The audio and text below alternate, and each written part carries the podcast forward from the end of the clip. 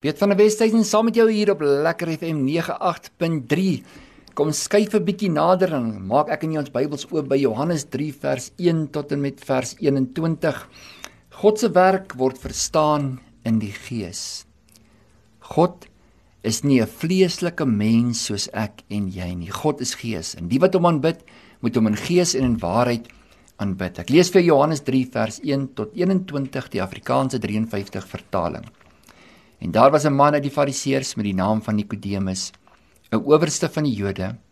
Hy het in die nag na Jesus gekom en vir hom gesê: "Rabbi, ons weet dat U 'n leraar is wat van God gekom het. Want niemand kan hierdie tekens doen wat U doen as God nie met hom is nie." Jesus antwoord en sê vir hom: "Voorwaar, voorwaar ek sê vir jou, as iemand nie weer gebore word nie, kan hy die koninkryk van God nie sien nie." Nikodemus sê vir hom: "Hoe kan 'n mens as hy oud is gebore word? Hy kan tog nie 'n tweede keer in die skoot van sy moeder ingaan en gebore word nie?" Jesus antwoord: "Voorwaar ek sê vir jou, as iemand nie gebore word uit water en gees nie, kan hy in die koninkryk van God nie ingaan nie. Wat uit die vlees gebore is, is vlees, en wat uit die gees gebore is, is gees."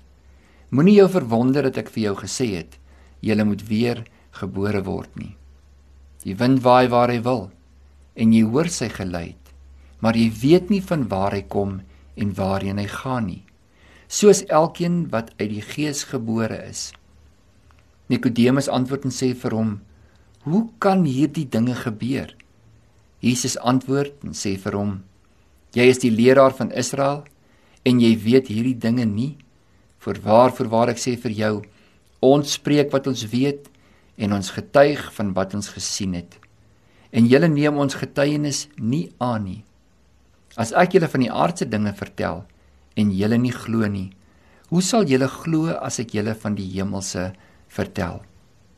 En niemand het opgevaar in die hemel nie, behalwe hy wat uit die hemel neergedaal het, naamlik die seun van die mens wat in die hemel is en soos Moses die slang in die woestyn verhoog het so moet die seun van die mens verhoog word sodat elkeen wat in hom glo nie verlore mag gaan nie maar die ewige lewe kan hê. Want so lief het God die wêreld gehad dat hy sy eniggebore seun gegee het sodat elkeen wat in hom glo nie verlore mag gaan nie maar die ewige lewe kan hê. Want God het sy seun in die wêreld gestuur nie om die wêreld te veroordeel nie, maar dat die wêreld deur hom gered kan word. Hy wat in hom glo, word nie veroordeel nie, maar hy wat nie glo nie, is al reeds veroordeel omdat hy nie geglo het in die naam van die enige gebore seun van God nie. En dit is die oordeel dat die lig in die wêreld gekom het en die mense het die duisternis liewer gehad as die lig want hulle werke was boos want elkeen wat kwaad doen, haat die lig en kom nie na die lig nie, dat sy werke nie bestraf mag word nie. Maar hy wat die waarheid doen, kom na die lig sodat sy werke geopenbaar kan word dat hulle in God gedoen is. Ons lees sover. Kom ons gesels 'n bietjie oor hierdie gedeelte. Nikodemus, ja, Nikodemus was 'n lid van die Sanhedrin gewees. Die Sanhedrin kan vergelyk word met die Hooggeregshof van ons tyd. Hulle was die regeringsraad in Jerusalem gewees. 'n Geleerde man. Wil ek sê dat hy 'n professor was, 'n dokter. Hy het sy graad gehad in in die letterkunde in die geleerdheid. Hy het dit geken wat hy moes geken het om 'n kenner op sy gebied te kan wees. Hy kom na Jesus toe en sê vir Jesus: "Maar uh, hoe, hoe gebeur hierdie goed? Ek wil ook verstaan hoe hierdie dinge gebeur. Hoe kan 'n mens 'n kragtige lewe leef? Hoe doen jy dit? Maar hy kom in sy natuurlike verstand na Jesus toe. Hy wil dinge op 'n natuurlike manier verstaan. Hy wil die werke doen sonder om by die God van die werke uit te kan kom. Hy wil dit wees wat Jesus is sonder om Jesus aan te neem as sy verlosser en as sy saligmaker.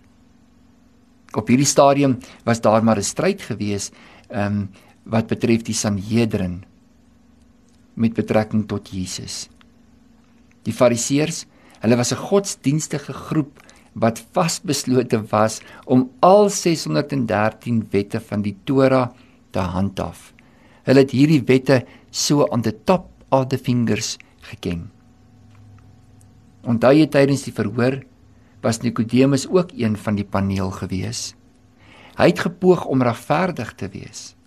Inteendeel het het sy kamerade 'n bespotting van die vraag gemaak wat hy vir Jesus gevra het, want hy wou Jesus 'n geleentheid gegee het om homself te moes verdedig. Hierdie selfde Nikodemus het 75 pond mirre en aloe ge gebruik um vir die begrafnis om die liggaam van Jesus te kon voorberei. Nikodemus en Josef van Arimatea, dit was die twee manne gewees wat bekommerd was oor Jesus se liggaam en hulle het sy liggaam vir begrafnis voorberei. En Josef van Arimatea het hom na sy eie graf toe gedra. Hierdie man was nie 'n bose man gewees nie. Nikodemus was 'n goeie man gewees. Hy het 'n mooi hart gehad. Maar hy kon nie verstaan hoe 'n mens weer gebore kan word nie. Want hy het natuurlik na dinge gekyk. So baie keer kyk ons natuurlik na die dinge in ons lewe en ons verstaan nie dat God praat eintlik geestelik met ons nie. En Jesus sê vir Nikodemus, Nikodemus, hoe moet ek die onbekende dinge aan jou verduidelik? Jy verstaan nie eens die natuurlike dinge nie. Ek gebruik spreekwoordelike voorbeelde van dinge wat jy veronderstel is om te verstaan en jy verstaan dit nie eens nie. Ek weet want ek kom uit die geeste mensie sê Jesus vir hom. En ek probeer om om dit wat in die geeste mensie is sigbaar en verstaanbaar vir jou te kan maak deur natuurlike goed te gebruik. Soos Romeine 1:20 sê, ons verstaan die onsigbare en die onsigbare dinge deur dit wat natuurlik hier om ons is. Want God het die aarde geskep, hy het die mens geskep wat 'n manifestasie is van iets wat gees is want God is gees. En ek en jy word van gees deur gestalte verander sodat ons meer kan wees soos wat hy is. Wanneer Petrus antwoord en sê U is die Christus, die seun van die lewende God, dan sê Jesus vir hom: Vlees en bloed het dit nie aan jou openbaar nie, maar my Vader wat in die hemel is. Met ander woorde, iets in Petrus het gelei tot 'n openbaring, iets wat hy verstaan het en geweet het wat hy nie natuurlik net kon geweet het nie. En wanneer Jesus hier verwys vir Nikodemus na geboorte, jy moet weer gebore word. Jy moet verstaan dat jy nie gekom het uit die aarde uit nie. Ja, jy mag dalk jou liggaam by jou pa en jou ma gekry het. Geneties aard jy na hulle. Maar die gees wat in jou binneste is, Daardie gees het jy by God gekry. Daardie is sy gees. Dis die gees wat sal terugkeer na hom toe.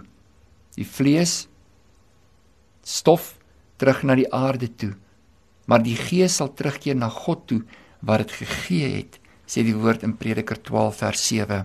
Die regte jy is die man of die vrou na die gees. Dis nie die vlees nie. Daarom kan die kat nie rondgeswaai word aan sy stert nie. Daar is meer aan jou as net die vlees, die dinge wat om jou gebeur. Dit wat in jou gebeur. Dis daar waar daardie man, daardie vrou van die gees deur die gees gelei word. In Nikodemus, hy het klomp vrae gehad want hy het belang gestel. Hy het belang gestel in hierdie lewe wat Jesus kom leef het en hy kyk na alles en hy sê maar Niemand kan hierdie goed doen as hulle nie uit God uitkom nie. God wil uit jou uitkom in die dae waarin ek en jy leef. In hierdie tyd van Nikodemus was Jesus 'n fisiese man wat in die aarde ook geloop het. In my en jou tyd sê Paulus, ons beskou hom nie meer in die vlees nie, maar na die gees. Net soos wat ons nie na mekaar kyk in die vlees nie, maar na die gees. Want God is gees. Ons soek God deur te kyk na mekaar se gees. Ons spreek die goddelikheid in mekaar aan deur juis te kan kyk na wat gaan in die gees van die mens aan. Daar waar die bedroefdheid ingetrek het. Daar wil God hê ek en jy moet met geestelike oë kyk sodat die blydskap weer ontsluit kan word in daardie vertrek van droefheid dat ons die deur sal oopmaak die lig sal laat inkom en dat die lig die duisternis kan verdryf dat ons die vrede weer in onrus kan begin inbring die deur oopmaak dat die lig die duisternis kan verdryf duisternis kan nie duisternis verdryf nie dit vat die lig om die duisternis te verdryf ons kan nie haat met haat aanspreek nie. Vergelding met vergelding aanspreek, woede met woede beantwoord nie. Dis die teenoorgestelde wat die teenoorgestelde effek in mense se harte en lewens het. Dis hoekom die woord sê dat lyding en verdrukking en vervolging bewerk iets in my en jou. Dit bewerk 'n 'n ander pad in my en jou dat ons anders na dinge sal kyk, dinge anders sal beleef en sal ervaar dat ons uiteindelik sal vra Here, wat sê U vir my? In hierdie ding wat besig is om met my te gebeur, wat sê U vir my? Wat is U wil? Wat wil U hê moet ek omtrent dit doen? Wat leer U vir my, Here? Wat wys U vir my in hierdie omstandighede? Sodat dit wat U vir my wys, die maatstaf sal word waarin ek dit sal antwoord of waarin ek gaan optree. Wat sê U vir my, Here? En in dit wat God vir jou gaan sê, is daar gees betrokke. Nikodemus verstaan dat hy tog tog nie kan terugkeer na die skoot van sy moeder nie. So wat is hierdie weergebore, hierdie wedergeboorte waarna Jesus verwys? Verstaan net vandag dat jy kom van hom af jou gees mens kom uit die gees dimensie uit. Mense kan dalk 'n liggaamlike liggaam kloun of skep. Maar 'n mens kan nie gees skep nie. 'n Mens kan lewe gebruik om lewe daaruit te te dupliseer. Maar God bly die skepper. Dis hy wat die asem in die neusholte van Adam ingeblaas het toe Adam vir die eerste keer 'n lewendige siel geword het. Dit wat in God was, het hy uitgeblaas in Adam in. Jy wie in God was, het hy ook 'n vleeslike liggaam gegee sodat jy tot eer en verheerliking van God kan wees. Die wedergeboorte is jy's hier in vandag dat jy sal besef dat jy's nie uit die aard aard aards nie. Jy kom van hom af. Jou burgerskap is van die hemele, van waar jy ook verwag jou verlosser. Dis hy wat kom en die lewe wat jy by God gekry het kom aanraak sodat jou lewe 'n goddelike lewe kan wees. Dat jy die gestalte van Jesus Christus in hierdie aarde kan uitleef. Weet dit vandag dat God sê jy is uit gees gebore. Sy gees Jy dra die stempel van wie God is.